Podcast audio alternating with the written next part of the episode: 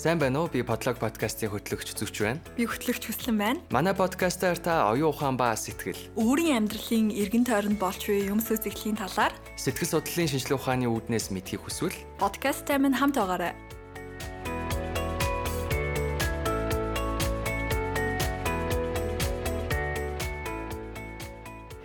За сайн байцгаана уу? Та бүхэндээ энэхүү өдрийн мэндийг хүргэе. Энэ удаагийнхаа дугаараар бид бүхэн хошигнол сэдвийг хүрээнд те сонирхолтой яриаг өрнүүлэхээр бэлдээд байна. За ер нь инээд нарга хошигнол гэдэг бол бидний амьдралын сашгүй нэг хэсэг хүн хилд орохоос өмнө инээсэн байж байдаг те. Ер нь бол бидний хамгийн анхны сэтгэл хөдлөл за түүнтэй холбоотойгоор хошин шогийн мэдрэмж гэдэг бол хүний амьдралын бас нэг томоохон хэсгийг бүрдүүлж явж байдаг. Тэгэхээр нэлээд сонирхолтой сэдвийг сонгож аваад байна.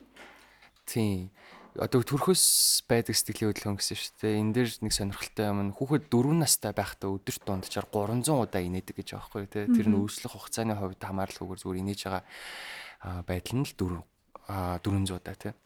А биш 300 удаа гэж. А гэтэл 300 40 настай хүн 300 удаа инээхийн тулд бүтэн 2 сар 2 сарын зарцуулах хэрэгтэй болдог гэж байгаа байхгүй. Тэгэхээр бид нэр насаа их тусам өдөр тутамдаа нөгөө стресстэй анхаарах хэрэгтэй зүйлүүд нь олон болчдөг. Байнгын инээгээд байх, байнгын хүмүүстэй хөвгөлтэй юм яриад байх боломжгүй болчдөг учраас инээдийн тоон төдөж инээ буурдаг. А тэгвэл бид нар бага насндаа тэгж их инээдэг нь бидний хөгжилд тань мэд хүн а хөгжилд яаж чухлаар нөлөөлдөйн яаж хүмүүстэй харилцааг эрэг сайн байхад нөлөөлдөйн а насаахыг тусам инехгүй байгаад хань яаж сөргөөр нөлөөлдөйн гэдэг талаар хэлсэн гэсэн үг тийм. Ер нь бол инээд нарганы талаар түгээмэл маш олон судалгаанууд байгаа, ач холбогдлыг дурдсан үзүүлэлтүүд байгаа тий. Хамгийн наад зах нь бидний мэддгээр бидний ер нь жоохон байхад айгүй хошин шог гардаг байсан шүү дээ. Тэгэл энэ байвал илэг залууч нь малууч нь амьдрал бол ингээл гоёл ингээл яриануд бол зүгээр л ингээд явган явж идэг тий. Аа гэтэл нөгөө яг түүнийг судалгааны үндсэн дээрээс яг ямар учир шалтгаантайгаар бид бид нар инээгээд байдгийг аа ямар юмд ямар ямиг бид нэр хошин гэж үзээд түүнд нь баясаад инээгээд байгаа. Ямарт нь юусоо инээдгүй юм. А бид нарыг инээлгэж байгаа гол хүчин шалтгаан. Бид нар яагаад хошигноод байгаа гэх мэтлэнгээр үүний ард бас шинжлэх ухаан яваад байна л та тий Тэгэхээр инээд буюу одоо энэ хошигнлыг судалж байгаа олон төрлийн онлууд байгаа. Философч судалж ийн, нейробиолог талаас аж судалж ийн. За сэтгэл судлалт ч гэсэндээ манай физик анализийн гол төлөөлөл бас судлаад явж ийн гэдэг ч юм уу те. Олон талаас нь харж болохоор эхлээд тэгвэл энэ хошигнлыг а онлын үүднээс авч үзье те. За хамгийн түгээмэл байдаг онол юм бол психоанализийн үүднээс за Фредийн онлоор бол инээдийг а энэ эгод хүндрэл учруулж болцшгүй энэ төвшүүртэй айц хүргэм ч юм уу те моментуудыг мөчүүдийг одоо хамгаалах хамгаалах механизм ажиллаад симбилбац хийж гинэ гэж үзээд байгаа шүү дээ. Тэгэнгүүт энэ хошигнлын цаадах мөн чанар нь өөрөө зүгээр л инээлгэж байгаа биш одоо болж тарж байгаа юм л да тий. Тэгэнгүүт тухайн арт түмэн юунд инээгээд байна вэ гэдг нь бас чухал асуудал болж ирээд байна гэсэн үг. Аа ер нь ингээ анзаараад үзэх юм бол бид нар одоо юунд инээж байна? нийгмийн асуудлууд шүү дээ төвжрэл хүүхдүүдийн хичээлдээ явахгүй байгаа хоцрогдол нэг зэрэг л байнгын нийгэмтэй холбоотой асуудлууд л айгу түгээмэл хошигнол болоо яваад байдаг юм шиг анзаарэгддэг ш надад. Аа. Манай Facebook сошиалууд бол зүгээр л ийм хошигнлын мимүүдээр л дүрцэн те түүнийг хаваалцаал. А өөрөөр хэлбэл яг үнчэн энэ яг нэг Фреди ярих гэдэг онл яваад байгаа байхгүй те. Бидний одоо энэ нийгмийн асуудал гэж үзээд байгаа эсвэл хувь хүний асуудал гэж үзээд байгаа энгийн нөхцлөөр энийг хүлээж авахд амар стресстэй, уур бухимдал төрүүлмээр, зарим талаараа одоо айц хөргмээр ч юм уу зүйлсийг бид нар хошигнол болгож буулгаад байна гэсэн үг. Одоо ер нь ингээд мимүүдийг харангууд амар дарк штэ тий.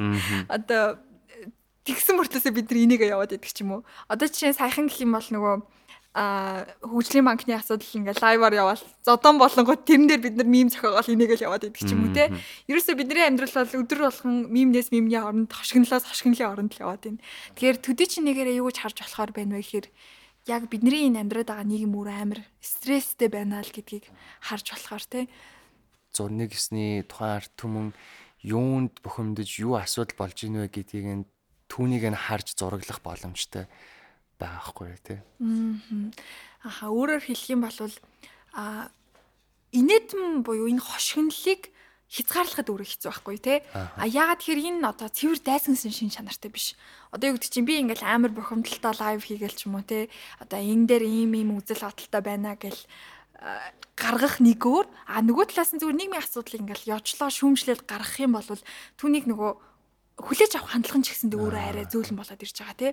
А өөрөөр хэлбэл одоо миний супер эго буюу миний ухамсар хизээч намайг тийм хэрүүл хийсэн лайв хийлэхгүй байхгүй тий. Тэр чинь нөгөө ямар ч этикгүй ёс зүйгүй гэл ингээд хязгаарлалтуудыг хийжэж штэ тий. Аа найзууд юу гэж бодох юм. Тий.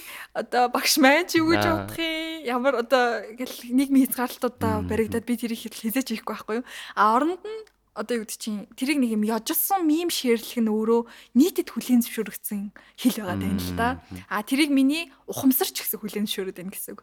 А өөрөөр хэлэх юм бол энд дотор байгаа болохгүй бүтэхгүй байгаа юмнуудыг зөөлөж гаргаж ирж байгаа хэлбэр нь өөрөө хошигнол болоод байна тий. За дараагийн нэг онол гэх юм бол а бидний сайн мэддэг социологч философч те Томас Гоббсийн үзлэр бол хошигнолыг юу гэж хараад байна вэ гэхээр давуу байдлын онолоор тайлбарлаад байгаа. А өөрөөр хэлбэл бид нэр ингээд бас эргэн тойронд байгаа комеди ч юм уу те ингээд хошин шоугуудыг ч юм уу харахаар а нэг болвол өөрийнхөө давуу байдлыг ингээд дүгийлгсэн тий одоо бусдыг жоохон шүүмжирсэн шогсон байдлаар тий явах гэдэг хандлагатай. Жишээлбэл бусдын одоо гоо үзэмж одоо харагдах байдлаар нь ч юм уу тий одоо хошигнол бөөнөрөө ингээд мар мар хийгээл инээгээл а энэ нь өөрөө ингэж явах үед бид нэр эго бас ажиллах нь л тий энэ хүнээс би илүү юм байна. А ядчил би дутуу биш юм байна гэдгээ мэдэрч байгаа нэг хэлбэр яваад байдаг гэсэн үг. За дараагийн нэг зүйл гэх юм бол а бас бидний юм хошигнолд хязгаар байдаг шүү дээ. А юугаар бид нар хошигнох уу, юугаар бид нар хошигнохгүй вэ гэдгээ хүн амьдралын явцад өөрөө ингээд мэдсэн бол мэдсэн болт байдаг шүү дээ, тэ. Одоо жишээ нь одоо юу гэдэг чинь хин нэгэн хүний үхэл зовлон дээр ч юм уу бид нэр хизээч хошигнлыг ашигладаг. А эсэргээрээ одоо зөвхөн гудамжинд явж байгаа нэг халтраад унчвал тэрэн дээр бол ингээл бөөнөр айгүй хаз чаргалтаар инэ шүү дээ. А энд болохоор одоо хошигнлын юм хязгаар гэж байдаг юм байна л да. Хүнд тогтчихидэг. А энэ мэдээж хэрэг тухайн хүн маань нас биенд хүрээд нийгмийн статус бас нэмэгдхийн хэрээр бий болж идэг зүйл. За гих мэдчлэнгээр хошигнлыг тайлбарладаг маш олон одоо онол үзэл баримтлууд байгаад байгаа. А тэнгууд та эдгэрийн таны яг хошин мэдрэмж хаана ажиллаад байна вэ гэдэг бас нэг асуудал байгаа. Чи ингээ өөрийгөө ер нь анзаарж байхад хөвчлэн ямар зүйлс төр илүү инээж юм.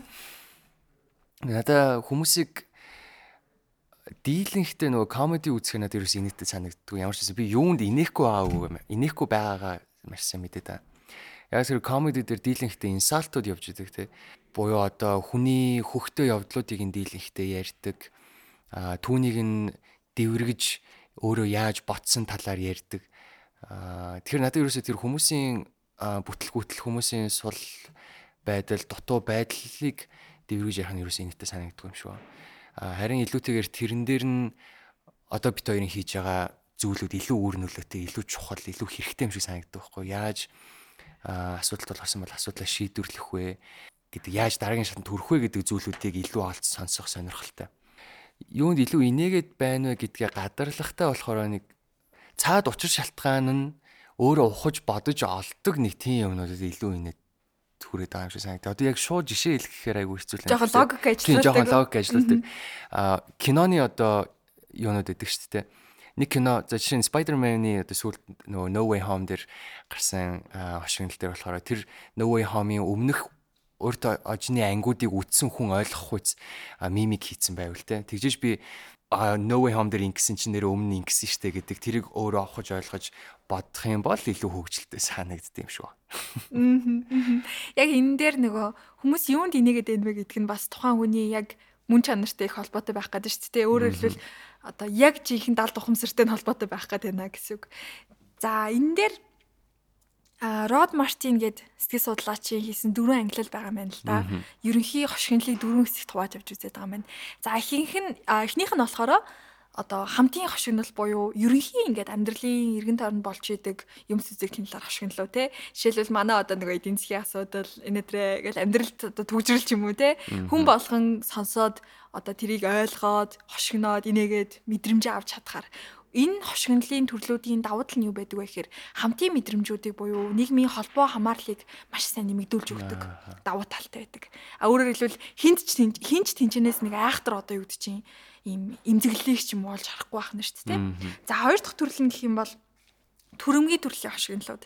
За одоо манай зарим комедианууд нь шүү дээ. Биений одоо би биенийхээ гадаад үзмжээр нь ч юм уу, одоо ганц бие байдлаар нь ч юм уу, насаар нь ч юм уу те илт төрөмгийлэл агуулсан хошигнолууд байгаад байдаг. А тийм зүйлс бас инээдэг хүмүүс байна те. А бас ягаад инээгээд байгаа нь цаана бас очиж шалтгаантай л байгаа. За 3 дугаарх нь гэх юм бол одоо ер нь а надад болоод байгаа энэ стресс бүхий үйл явдлыг даван туулгаж чиглэсэн хошигнолууд. За жишээлбэл би одоо ингээд хаягдчихлаа гэж бодъё л доо. Тэгэнгүүт хаягдснаа амар юм хошигнол болгож яриад байж болно шүү дээ. А өөрөөр хэлбэл надад төрөөд байгаа энэ стресстэй мэдрэмжийг би арай нэг ашигтай хэлбэрээр гадагшлуулаад байгаа сублимац хийгээд байгаа нэг хэлбэр нь яваад иж болно гэсэн үг.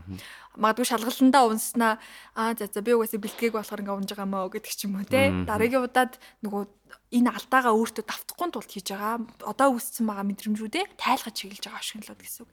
За дөрөв дэх төрлийн хошигнол гэх юм бол а ер нь өөрлөвгээд буюу биирүүгээ чиглэсэн сөрөг хошигнолууд.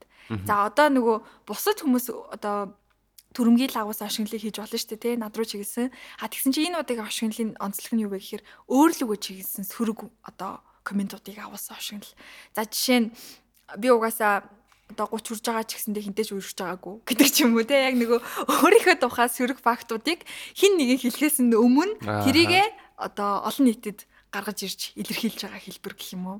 Тийм буюу тэр зүйл бол миний сул тал болохгүй шүү гэдгийг өртчилж хүмүүст хэлэнгүүтээ түүнийг өөр хүнээс сонсож сул одоо нөгөө нэг имзэглэдэг тэр мэдрэмжээ мэдрэхгүй тулд ерөнхийдөө бол гаргаад хэлчихэж гин гэсэн үг шүү дээ өөртчлээд. За эдгээр ерөнхий хошигнлын төрлүүдийг эдгээр дөрвөн төрөлд ерөнхийд нь хувааж авч байгаа юм байна. За тэгэнгүүт хошигнол болгон хүнд дандаа эргээр нөлөөлдөг гэвэл бас үгүй. Яагаад вэ гэхээр ялангуяа нөгөө төрөмгийн шинжтэй хошигнлуудыг хүлээж авч байгаа хүнд нь өөрөө эмзэг мэдрэмжүүд төрдөг. А энэ хитрээд эхлэх юм бол нөгөө дээрлэл хилт ч юм уу те бие биенийг одоо бүлгийн дундах одоо сүргөө маргалдаанууд ч юм уу те үүсэх хандлагатай. Ялангуяа одоо өсвөр насны үед нэг юм ангид шооч нөхдөд байдаг шүү дээ. Ихэвчлэн нөгөө төрөмгийн хошигнлуудыг хэрэгэлдэг. Би би нэг одоо ялангуяа өсвөр нас бол нөгөө эмзэг үе байдаг учраас тэрийг нь хүүхдүүд бас илүү одоо мэдрэмтгийгээр хүлээж авдаг ч юм уу. Нэг нэгэндээ айгу сөргөөр нөлөөлж яадаг хошигнлын төрлүүд байгаад байна. А эсвэргээрээ өөрлөө нөгөө чиглэсэн бас сөрөг хошигнлыг их хэрэглээд ах нь эргээд нөгөө сэтгцийн сайн сайхан байдалд бас зарим талаараа хөрлүүдийг учруулад явцдаг. А зарим судалгаагаар мэдээлж байгаагаар одоо сэтгэл готрал ч юм уу те депрессийн зарим нэгэн шинж тэмдгүүд нь өөрлөгөө илүү энэ чиглэсэн сөрөг хошигнлуудтай бас холбоотой байж болно гэж үзээд байгаа. Гэтэ бас аль нь алигаа үсгээд байгаа нь тодорхойгүй те байдаг ч юм уу. А ер нь одоо чинь энэ төрлийн төрлөөс харангуут чиний хошигнлын төрөл хашин мэдрэмж хаана илүү ажиллаад байх шиг байна. Хамгийн ихнийх нь л ах шиг байна. Аа Тийм. Ер нь тэгээд хүмүүстэй яриа сууж байгаа гэсэн чинь надаа инээдэг зүйл инээдэг зүйлүүд амар ажиглаад байдаг байхгүй бүр ингээ гайхаад энэ хүмүүс яагаад энд инээгээд байгаа юм бол гэж хүртэл бодмоор зүйлүүд амар их гардаг. Тэгээд тэр нь болохоор тэгж бодож байгаа нь болохоор тэр төрөмгийлэл байна. Аа өөрөө өөрийгөө жоохон а би угаасаа ингэдэг тэгдэг гэж хэлж харилцан ярианд оролцдог харилцаанд оролцдог хүмүүсээс дэлгцэндөө байдаг те гэтэл яг үүндээ би тэрийг нь бодоочгүй тэр нь надаа ямар ч чухал биш а чи тэгдэг байх нь би ирээдүйд чамтай ямар харилцаанд явхад хүртэл ямар ч нөлөөгүй зүйлүүд байдаг. А яг хэлж байгаа нь буруу биш надтай тийм төрлийн хошигнол хийж байгаа нь буруу биш ч гэсэндэ а ер нь бол хошигнолын хувьд бит хоёрын мэдрэмж таарахгүй байна гэдэг чинь би алилах тэр төрлийн харилцан яриа оруулахгүй тал руугаа л харилцаж эхлэв шүү дээ. Яг гэвэл надад тавгүй байт юм чи.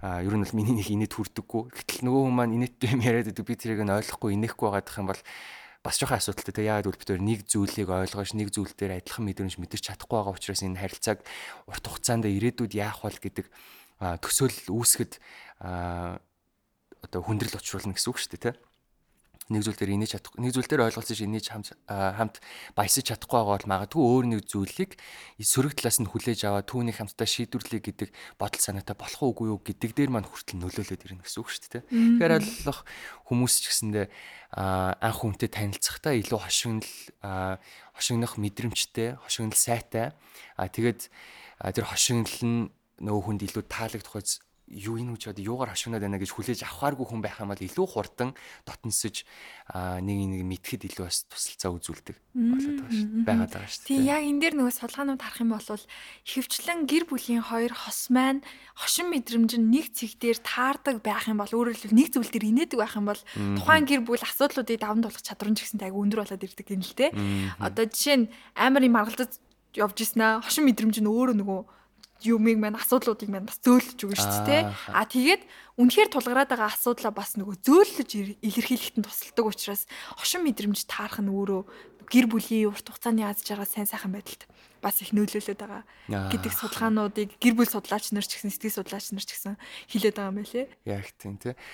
А хошин байдлаар хошин байдлаар ямар нэгэн асуудал тулгараад тэрэн дээр маргалдаан үүсгэж байгаа үед түүний хошин талаас нь харах, хошин талаас тэгээ бас хошин талаа зүгээр хошин байдлыг зүгээр илэрхийлэхтэй тэгэхгүй бол шал тохиромжгүй зүйл дээр инээдэм нарийн болох гэдэг юм бол нөгөө хүнийхээ бур дурууг нь хөргөж магадгүй шүү дээ. А энэ нөгөө хүмүүсийн бие физиологи дотор явагдаад байгаа нейротрансмиттерүүд гормонуудын ялгарлыг нь бууруулах өөр баяр баясгалын ажиргалтай байдлын гормонуудыг гаргаж ирэхэд тус нэмэр үзүүлж байгаа учраас биднэрт тэгж нөлөөлдөг тий. Яг уур бухимдалтай байхад хэнийг ошигт ихэд миний стрессийн адреналины кортизолын адреналины хэмжээ төдий хэмжээгээр багасаад нөгөө талд нь допамин серотонин гэх мэтчлэн эрэг гормонууд маань гормонуудын маань ялгарл нэмэгдэж байгаа учраас миний мэдрэмж өөрчлөгдөд мэдрэмж өөрчлөгдөж байгаа учраас би асуудалд яаж хандах аль талаас нь харах өнцөг хүртэл өөрчлөгдөж байгаа байхгүй тий. Тэгвэл энэ нөгөө хүний хошигнол одоо ер нь юунд би инех вэ гэдг нь бас олон хүчин зүйлээс хамаарат байгаа шүү дээ тий. Одоо юу гэдэг чи би угаасаа анханасаа дарк юмд инээдэг болё гэж өөрөө сонгохгүй тодорхой. Тэгэнгүүт үүнд нөлөөлж байгаа хүчин шалтгаанууд маш олон зүйлүүд байд байж болно шүү дээ тий. Мэдээч хэрэг за нас байж болно хөөс байж болно соёл байж болно а тухайн нэг гэр бүлийн өссөн орчин байж болно гэх мэтлэнгээр тий. А ер нь ингээд анзаарч яхад одоо яг ялангуяа уусаа хүмүүс айгу ярьдэн шүү дээ. Хошин мэдрэмж бол ингээд ялангуяа соёлоос айгу хамааралтай байх гэдэг. За жишээлбэл бидний инээж байгаа юмд өөр соёл иргэншилтэй хүмүүс инехгүй иргэншилж гэж өөр соёлтой хүмүүс инехгүй байдаг ч юм уу те? Эсвэл эсвэргээрээ одоо юу гэдэг чинь Америкчуудын инээж байгаа юм би инехгүй солонгосчуудын инээж байгаа юм би инехгүй байдаг ч юм уу те? Хичнээн хэлийг нь ойлгоод байгаа боловч тэр надад тийм инээдтэй ингээд цаанаас ундарсан юм гарч ирэхгүй байгаа шүү дээ а үүний шалтгаанууд дээр чи юу гэж боддог вэ? А ерөөсөө тэр бодлын хэв заг мэдрэмж болон бодол хоорондоо ямар харилцаатай вэ гэдэг энэ аягүй чухал. А бид нэр бодлороо ямар нэгэн зүйлийг хүртэж хүлээж авах байдлаа өөрчилж түүн дээр үүсэх мэдрэмжээ их болон суул альсвал бүр байхгүй болгох боломжтой тийм. А тэр нь бол анханасаа би одоо 5 дугаар одоо хэдэн нас хүртлээ чинь тийм нэг гэр бүлд амьдарч ягаад сурагч солилцоо орч юм уу шал өөр гэр бүл рүү яваад очичлоо гэж бодъё л тийм. Гэтэл нөгөө шинэ очисон гэр бүл маань шаал сонь сонь юм яриад инээгээд байдаг. Гэсэн чинь би тэрийг нь ойлгоогүй. А гэхдээ би тэр зүйлийнх нь ярьж ярьж байгаа зүйлийнх нь учир шалтгааныг нь ойлгоод энэ хүмүүс юу нь юуг яаж боддгийг нь мэдээд буюу миний тань мэд хүн бодол санаа маань өөрчлөгдөөд ирэх үед би тухайн зүйлийг нь инээдтэйгээр хүлээж авах боломжтой болдог буюу бид нар юуг яаж бодож байгаас мэдрэмж өөрчилж болно тийм. Тэгэхээр бидний нөгөө бодлын хэв загварыг хаана хэн суулгаж өгсөн бэ гэдэг маань хамгийн чухал зүйл болчихж байгаа гэсэн. Би бага насндаа маа гэр бүлийнхэн эргэн тойрны найз нөхд маань одоо нэг нэгэн рүүгээ нөгөө төрөмгийлсэн хошинглыг хийдэг ч юм уу байсан бол тийм. Одоо би нөгөө нэг ангийн бүлийн нуттай нийлдэг хүүхэд байсан байж магадгүй шүү дээ тэр дээрлэх төрлийн хүүхдүүд маань бусд одоо хүүхдүүдийг халдсан байх юм бол лам гэж дууддаг. Одоо биеийн жингийн хувьд илүүдэлтэй байх юм бол гахаа гэж дууддаг юм янз бүрийн тийм хошинглуудыг хийгээл хоорондоо инээлтэл байгаад байдаг шүү хүүхдүүд. Яг нь энэ бол тухайн хүүхдийн хүүхдүүдийн хөгжлийн процесс хөгжлийн явцдал тохиолдож байгаа зүйлүүд энийг бол зөв буруу гэж шууд хилээд хүүхд болгоныг тэр зүйлийг ашиглал хийхгүй байх ёстой гэд тулгаж тийм байдлаас нь хүмүүжүүлж хүн болгон чадахгүй учраас энийг бид нэр алилах зүг талаас нь хүлээж аваад явах ёстой. Гэхдээ би тэр хүүхдүүдийн нэг байсан бол би ирээдүйд тэгээд тэр хүүхдүүдтэй цуг найз нөхөрлөл найзлал ирээдүйд яваад л байгаа бол би тэр талаас нь л аливаа зүйлийг хошигнож тэр тлийг л төлөв инээдтэйгээр хүлээж авч хүлээж аваа сурч штэ Тэгэхээр яг л тэр миний бодлын хэв загвар юуг инээдтэй инээдгүй гэж хүлээж авч байгаа тэр зүйлүүдийг надад суулгах суулгасан бай. А дээрэс нь би өөрөө хөгжлийнхаа явцад амьдралынхаа явцад сөрөг сэтгэлийн хөдөлгөөнүүдийг болон босод нөгөө нэг өөртөө хүлээж авахгүй байгаа миний эгод халдаад байгаа зүйлүүдийг яаж гаргаж сурсан бэ гэдэг манаас айгүй чухал болчихж байгаа гэсэн үг байхгүй тий. Тэр нөгөө анхнаасаа өөрөө айгүй их эго гэдээ яриа явцсан. Эго гэдгээ тайлбарлах юм бол миний дотор одоо бүр мөн чанартай би юу хүсэж ийн вэ гэдэг мал ерөөд бол эго тий. А тэр би юу хүсээд байгаагаа яаж гаргах вэ гэдэг нь болохоор сайн өмнө хүслэнгийн ярьдаг супер эго буюу нийгмийн хим хим химжээнүүд надад яаж нөлөөлөхөөс шалтгаалаад би яаж нөгөө юу хүсэж байгаагаа гаргах вэ гэдэг. Гэтэл би нөгөө багаасаа хойш найзууд маань ч тэгдэг, гэр бүлийнхаа маань ч тэгдэг учраас би бүр тэгжил гаргамаар хүсээд биш магадгүй шүү дээ. Миний би тэр баггүй юу те. Аа тэгэхээр анханасаа би тэгэж гаргаад илэрхийлээ сурцсан бол энэ бас дэмжлэг үзүүлээд байна гэсэн үг тийм. Тэгэхээр миний амьдралын одоо нөгөө орчин нөхцөл маань яаж өөрчлөгдсөн бэ? Би ямар ямар орчинд одоо ховсож өөрчлөгдөж орчнуудыг сольж явсан бэ гэдэг маань айгүй том туршлага болно гэсэн. Одоо магадгүй би бага ангита тийм хүрээлэлд байгаад явцсан. Гэхдээ би дунд ангитай шал өөр хүрээлэл рүү яваад орч магадгүй шүү дээ. Анги солилцсон, сургуулиас сургуулийн хооронд шилжсэн. Эсвэл нөгөө нэг сурагч солилцоогоор бүр өөр улс руу яваад өгцөн. Тэгсэн ахлах ангитай шал өөр. Их сургуульд орсноо би бүр өөр хүмүүстэй очиод нийлцсэн. Энэ болгон дээр би нөгөө нийгмээс суралцах гэдэг зүйл маань diverse буюу олон ургалж болох боломж нь бүрдээд байгаа учраас олон төрлөөр сэтгэлийнхаа хөдөлгөөнийг илэрхийлэх, олон зүйлийг ойлгож инех чадварууд нь бүрдэх байх л гэж бодож байна амар урттай. Тэгвэл чи өөрийгөө ер нь хэр хошин мэдрэмжтэй хүн гэж боддог вэ? Аа хошин талын зүйлсүүдийг ойлгохдоо гайгүй байх. Гэхдээ өөрөө хошин л хийхтэй айгүй юм уу? Аа. Тийм. Өөрөө ямар нэгэн зүйлийг хошин талаас нь хараад тэрийгэ а хүмүүст ойлгох хуйцаар хүлээж авах хуйцаар илэрхийлэх чадвар бол маш муу. Ер нь бол барыг чаддгүй. Аа. Энэ дээр нэг сонирхолтой судалгаа харсан өмнөх дугаар дээр битээрээс хосын харилцааны талаар ярьсан тийм. Тэр хосын харилцааг буюу би биенд одоо татагдахад нөлөөлдөг нэг зүйл нь хошигнол байгаа даа шүү дээ. Аа ихэвчлэн эмэгтэй хүмүүс ийм өөрийг нь инээлгэж чадах буюу хошин шогийн мэдрэмж өндөртэй эрэхтэй хүн лөө илүү татагддаг юм байна л да. Тэгэнгүүт гэтээ бас хинч байсан хайртай хүнийхээ дунд хажууд ч юм уу итгэж найдаг хүнийхээ дунд хашиг хошмэж чадна шүү дээ. Аа нөгөө талаас нь харах юм бол эрэгтэй хүн болохоор өөрийнх нь энэ хошигнолд инээдэг эмэгтэй хүнтэй хамт байхдаа илүү дуртай байдаг юм л те. Сонирхолтой юм. Эсвэргээрээ эмэгтэй хүн хошин шогийн мэдрэмж өндөртэй байх нь аа нөгөө өөрийг нь одоо сонирхож магадгүй боломжит ийм одоо хүмүүсээр жоохон зай ингээд барихт нөлөөлчдөг юм л те. Яагаад тэгэхээр яагаад ер нь эрхтэй хүмүүс хөвчлэн юм хошин шогийн мэдрэмжээ одоо юм элт хүчтэйгээр илэрхийлж гаргаад байдаг вэ гэхээр энэ нь нөгөө хумсргүйгээр явагдаж байгаа одоо боломжит хосоо хайж байгаа нэг үйл явц гэж үздэг юм байна л да. Тэнгүүт нөгөө эмэгтэй нь өөрөөс нь давсан ийм хошин хошин нөхөр байгаад шүү дээ. Тэнгүүт жоохон өрсөлдөөний мэдрэмж төрүүлээд те. Аа бас зэрэг зайгаа барихт нь нөлөөлчдөг юм байна л да. Өөрөөр хэлбэл жоохон айлгчдаг хандлагууд байдаг гинэ. Наасан дээр ч болохоор би яг эсрэг юм. Би өөрөө хошин зүйлсүүдийг хэлж ярьж партнераа инээлгэх а чадвар муутай учраас илүү тэртлийн хүнд татагдгаа ер нь сүлд анзаарсан. Тийм. Айлах би тэгээд нөгөө дээрэс нь introverted юм юмыг ингээд айлах логикоос нь харах гад байдаг талтай учраас яг миний нөгөөдлийн хүн надад байх нь хажууд байх нь битүүрийн харилцаа амжилттай явахад илүү нөлөөлт юм болов уу гэж ер нь бол анзаараад байгаа. Тэгээд бас нэг судлаачийн нэрийг мартчихжээ. Гэхдээ нэг хийсэн судалгаан дээр хүүхдүүдээс танай гэр бүлээс тий аль эсвэл чиний амьдралд чинь байгаа хүмүүсээс хамгийн хошин хүн хинбэ гэж асуухад хүүхдүүдийн бараг 99% нь аав эсвэл ах гэж хэлсэн байгаа байхгүй. Буюу дандаа эрэгтэй хүүсний хүмүүсийг нэрлсэн байгаа. Аа тэгээд судлаач өөрөө гэртээ очиод хүүхдүүдтэй ярьж байгаа юм л та. Би нэгээд өнөөдрийн хийсэн судалгааны үр дүн дээр бүр 99% дандаа аав юм уу ах гэдэг эрэгтэй хүүсний хүмүүсийг хамгийн хошин хүмүүсээр нэрлсэн гэсэн чинь хүүхдүүд нь бүгд чимээг болоод доошоо харцсан гинэ. Тэгээд яагаад юу болчихвоо асуусан чинь хүүхдүүдээсээ тэгээ сонирхол асуусан юм л та. Тэгвэл та нарын хувьд хамгийн хошин хүн чинь Хошин сайндаг хүн чинь хин бэ гэсэн чинь хамгийн эхлээд аав, дараа нь нохой, тэгээд ээж буюу нөгөө судлаачиг хэлсэн байхгүй тий. Ээж бол бүр нохойноос ч хөвжилгүй хүн болж таарч байгаа байхгүй. Тэгэхээр энэ дэр нөгөө эмэгтэй хүмүүсийн одоо эмэгтэй хүмүүс нас явах одоо хөгшрөх тусам тий нас ахих тусам аа өөрсөнд нь тулгардаг асуудлуудаас болж хошин зүйлүүдийг ер нь бол соёл нь эмхтэн хүмүүс хошин зүйл яриад инээгээд амар чангачиг инээгээд ах нь ер нь яаж хүлээж те.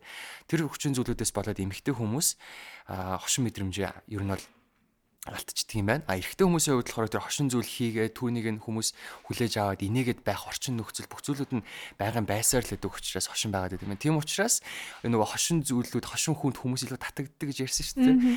Тийм учраас гэр бүлийн хувьд хүүхдүүд аавдаа илүү ийм илгэсэг татна аавдаа илүү дуртай аавтай байх илүү хөвгчлөлтэй сайхан инээд наргантай байдаг тэр мэдрэмжүүд нь давмгаалаа явцдаг юм байна гэдэг тийм тайлбар өгсөн байгаа юм.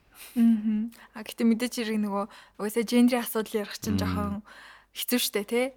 Аа эрэгтэй гэд заавал тийм байх албатай биш эмэгтэй бай заавал тийм байх албатай биш нийтлэгээр л ярьж байгаа учраас тий. Олонхоо тий. Аа тэнгууд бидний айгуу сонин юм нь одоо чи надад нэг амар том санаад дээдэг хүүхэд насны нэг юм дурсамж байдаг байхгүй юу. Бид нар ингээд ангаараа нэг найзынхаа ангийнхаа хүүхдийн одоо гэр бүлийнх нь хүний одоо буйны ажил дээр буюу нас барцсан тий ойр тойрных нь үн нас барцсан тэгээд очиж исэн. Тэгсэн чинь амар сонин ингээд бараг л нэг тийм амар хүчлээ юм бол болоогүй заяа. Гэтэ бүгд нэр хэдл инээгээд амар шокны үйл явдал ахгүй тий тэр чинь байж боломгүй. Яагаад тэр супер эго ажиллаж байгаа цагт бол тэр огт болохгүй шүү дээ, тий. Одоо ёс сууламжлаа ботсон ч гэсэн, наад захын мэдрэмжээ ботсон ч гэсэн, тий. Тийм нөгөө гэр бүлийн хүмүүс нь юу мэдэрч байгаа вэ гэж гэсэндээ бас харуулж үзэх хэрэгтэй шүү дээ. Тийм.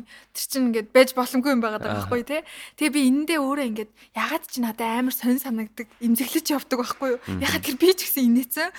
Тэгээд надад л ийм тохиолдож исэн болов гэсэн чи би айгүй олон жишээнүүдийг уншиж исэн. Тийм нөгөө тохиромжгүй үеүүдэд хошигнж исэн, тохиромжгүй үеүүдэд инээж исэн айгүй олон кейсүүдийг сонссон байхгүй юу. Тэгсэн чинь учир шалтгаан нь юу байдаг вэ гэд жоохон судлаа. Тэгсэн чинь одоо хамгийн анх дугаар хэлэхэд бас ярьжсэн те. Бид нар юу нь яагаад хошигндаг вэ? Яагаад инээдэг вэ гэхээр одоо бидний сэтгцэд буюу одоо байгаа энэ бие хүнд маань хүндрэл учруулж болох ус гүн стресстэй, гүн одоо ийм үйл явдлууд хүндх үйл явдлуудын үед одоо цаанаас нь ухамсаргүйгээр хийгдэж байгаа үйлдэл нь өөрөө хошигнол болчдөг. Өөрөөр хэлбэл тэрийг би давж даван туулахын тулд өөрийгөө баг зэрэг тайвшруулахын тулд энэ болоод байгаа үйл явдал одоо аюулгүй намжнаа цаашдаа одоо ирээдүй арай гайгүй эрэг болно гэдэг гэдгийг өөртөө мэдрүүлэхийн тулд надаас гарч байгаа үзүүл нь инээд болчихдаг юм байна л да. Тэгээд яг нэг хүн одоо магадгүй тэрийг өөртөө энэ төрөөд байгаа эвгүй мэдрэмжийг одоо жогшин байдлаар илэрхийлсэн нь нэг хүн инээчингүүд нэг угаасаа бос нь инээдийн нэг юм чадвар байгаа даа шүү дээ халдварладаг инээ хөвшөөх хоёрын нэг том одоо давуу тал байгаа. Тэнгүүд ингээд бодоод үзэнгүүт бид нар амьдралынхаа хизээ нэг үед амар тийм тохиромжгүй үедэд инээсэн байдаг те.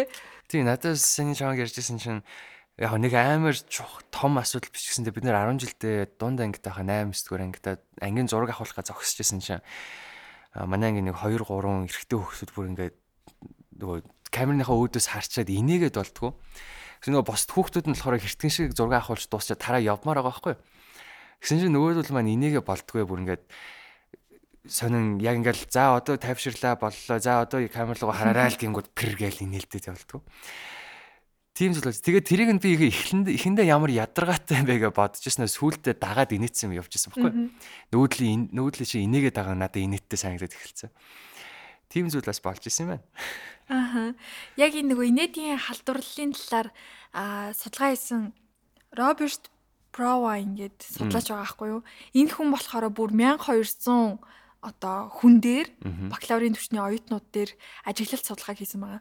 Тэгээд судалгааны үр дүнд юу гэж гарч ирсэн бэ гэхээр ерөөсөө яг нөгөө хошигнлынх нь мөн чанар нь одоо яг хошигнлыг ойлгоод инээж байгаа түүнээс болоод инээж байгаа байдал нь нийт хүмүүсийн нийт судлуулагчдын ердөө 10-аас 20% л байсан гинэ.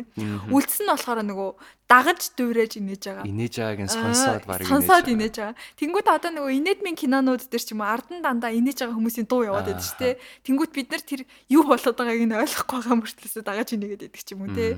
Эсвэл одоо бид нарыг жоохон байгаад айгүй хошин шог гардаг байсан шүү дээ тий. Тэр үед ингээл заалаар 4000 2000 хүн суудсан. Тэнгүүд тэр надад инээдгүй ч гэсэндээ би хажууд сууж байгаа хүний инээдийг сонсонгуудаа дагаж инээгээд байдаг. Тэнгүүд шалтгаан нь энд яваад байгаа юм байна л да. Наад санийхтай сонир холбоотой сонирхолтой байна. Би өмнө дугаарууд дээр ярьжсэн байлоо. Бүр сонгодог урлаг одоо хөгжөөд тайзан дээр ингээд тоглолт явдаг үе байсан үед төлбөртөө орж ингэж нөгөө алга тарч браво гэж орилдог те дахиулъя гэж орилдог хүмүүс орж үздэг байсан байгаа байхгүй. Тэр нь хүмүүсийн хувьд тийм баяр баясгалтай аз жаргалтай бүр ингээ гоё байсан мэдрэмжийг нь хажуудлынхаа хүн ингээд алга ташаад инээгээд бахархалтай үзээд тахаар дагаж дүүрмээр санагддаг. Тэгэж хүмүүсийг үтсэн юмдаа сэтгэл ханамжтай байдлыг нэмэгдүүлэхийн тулд те хажууд нь төлбөртэй худлаагаас алгадчихдаг хүн орж ирдэг гэсэн тайлхан. Саяны тэр дээр үе Америкийн series-үүд дээр дэлгэхтэй явдаг штэ. Friends дээр жишээ арт нь хүмүүс инээж байгаа тэр нөгөө гүйлтийн инэдмийн зам гэж нэрлэдэг юм лээ. Англиар яг юу гэдэг вэ? Тэр нь зарим хүмүүсийн хувьд миний хувьд бол тэр хойтлын инээд байгаад байгаа нь амар ядаргаатай амар тэнэг санагдаад байдаг байхгүй ямар сон энийг одоо инээж байгааг сонсох хүмүүс инээд юм бахтай гэж бодод.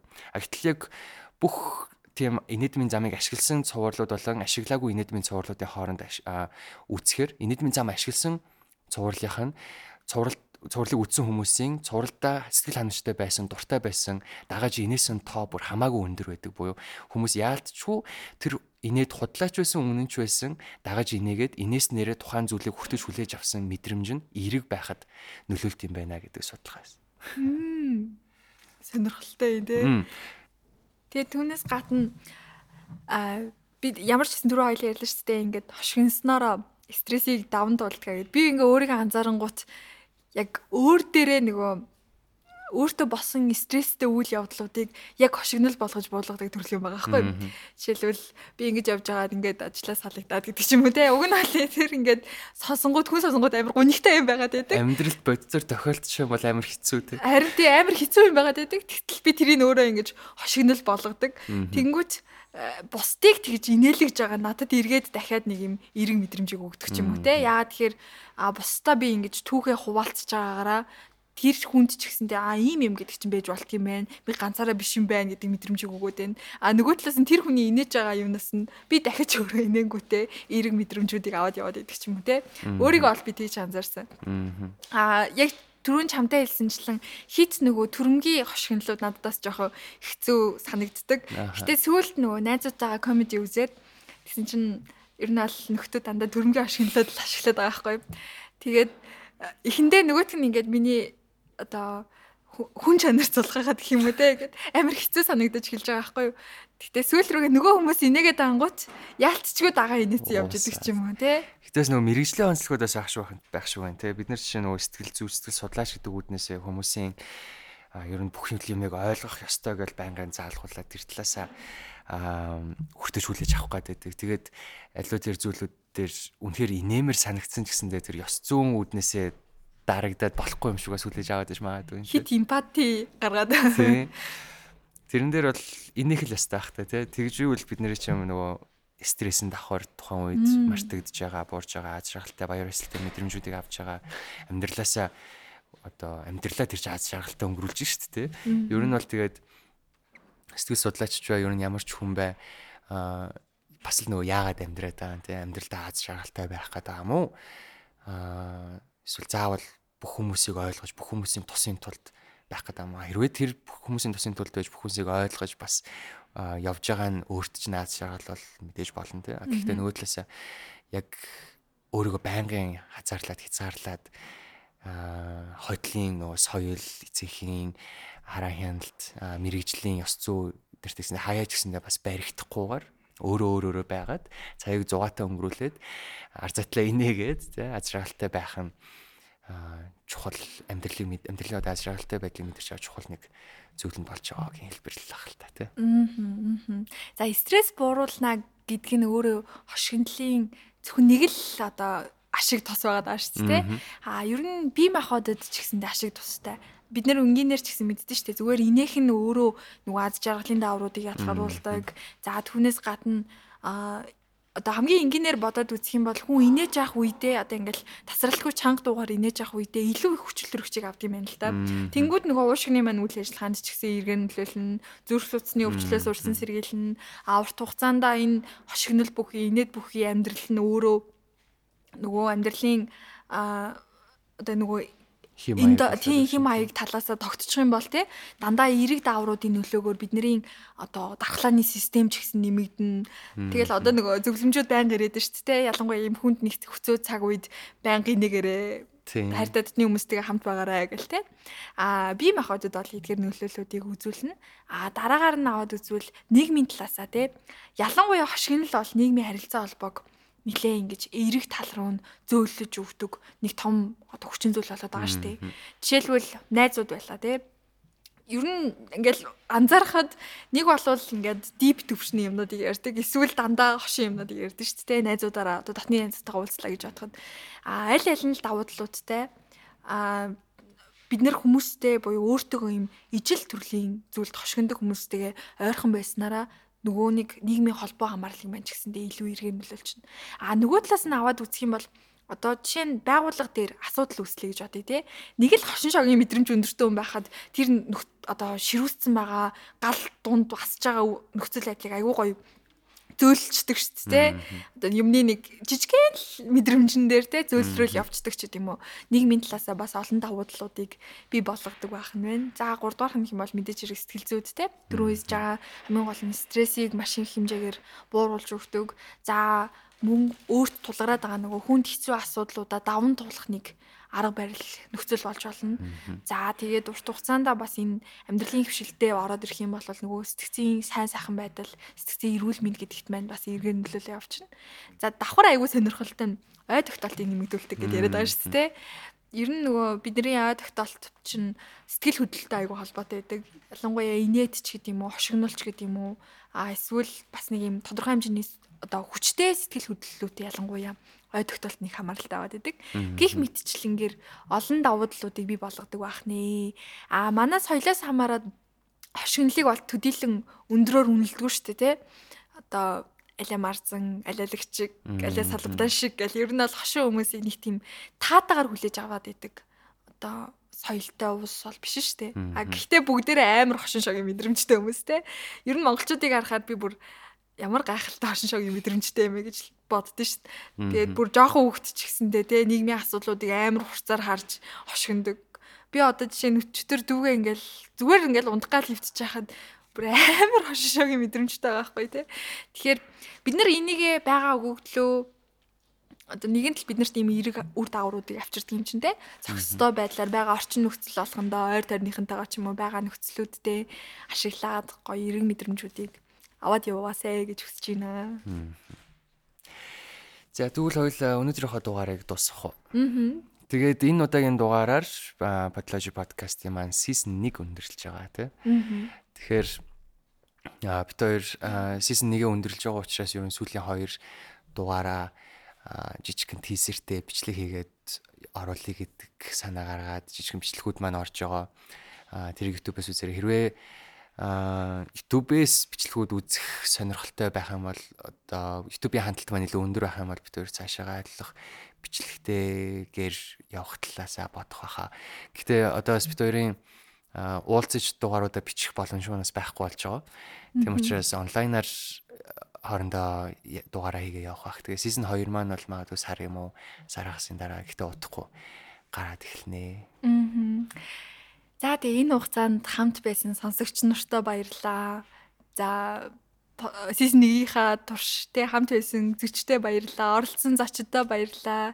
Аа хамгийн гол нь энэ нөгөө нэг дуу чанар өндөртөөгөр хүрэхэд тусалж байгаа эм пласынхаа хамт олонд бас гүнээ талархал илэрхийлж байна. Тийм маа постерыг хийдэг даваа гэдэг хүн байгаа. Маа аудиог янзалдаг Батуулт гэ залуу байгаа.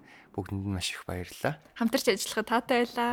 Адал явдал дүүрэн 10 дугаар байлаа.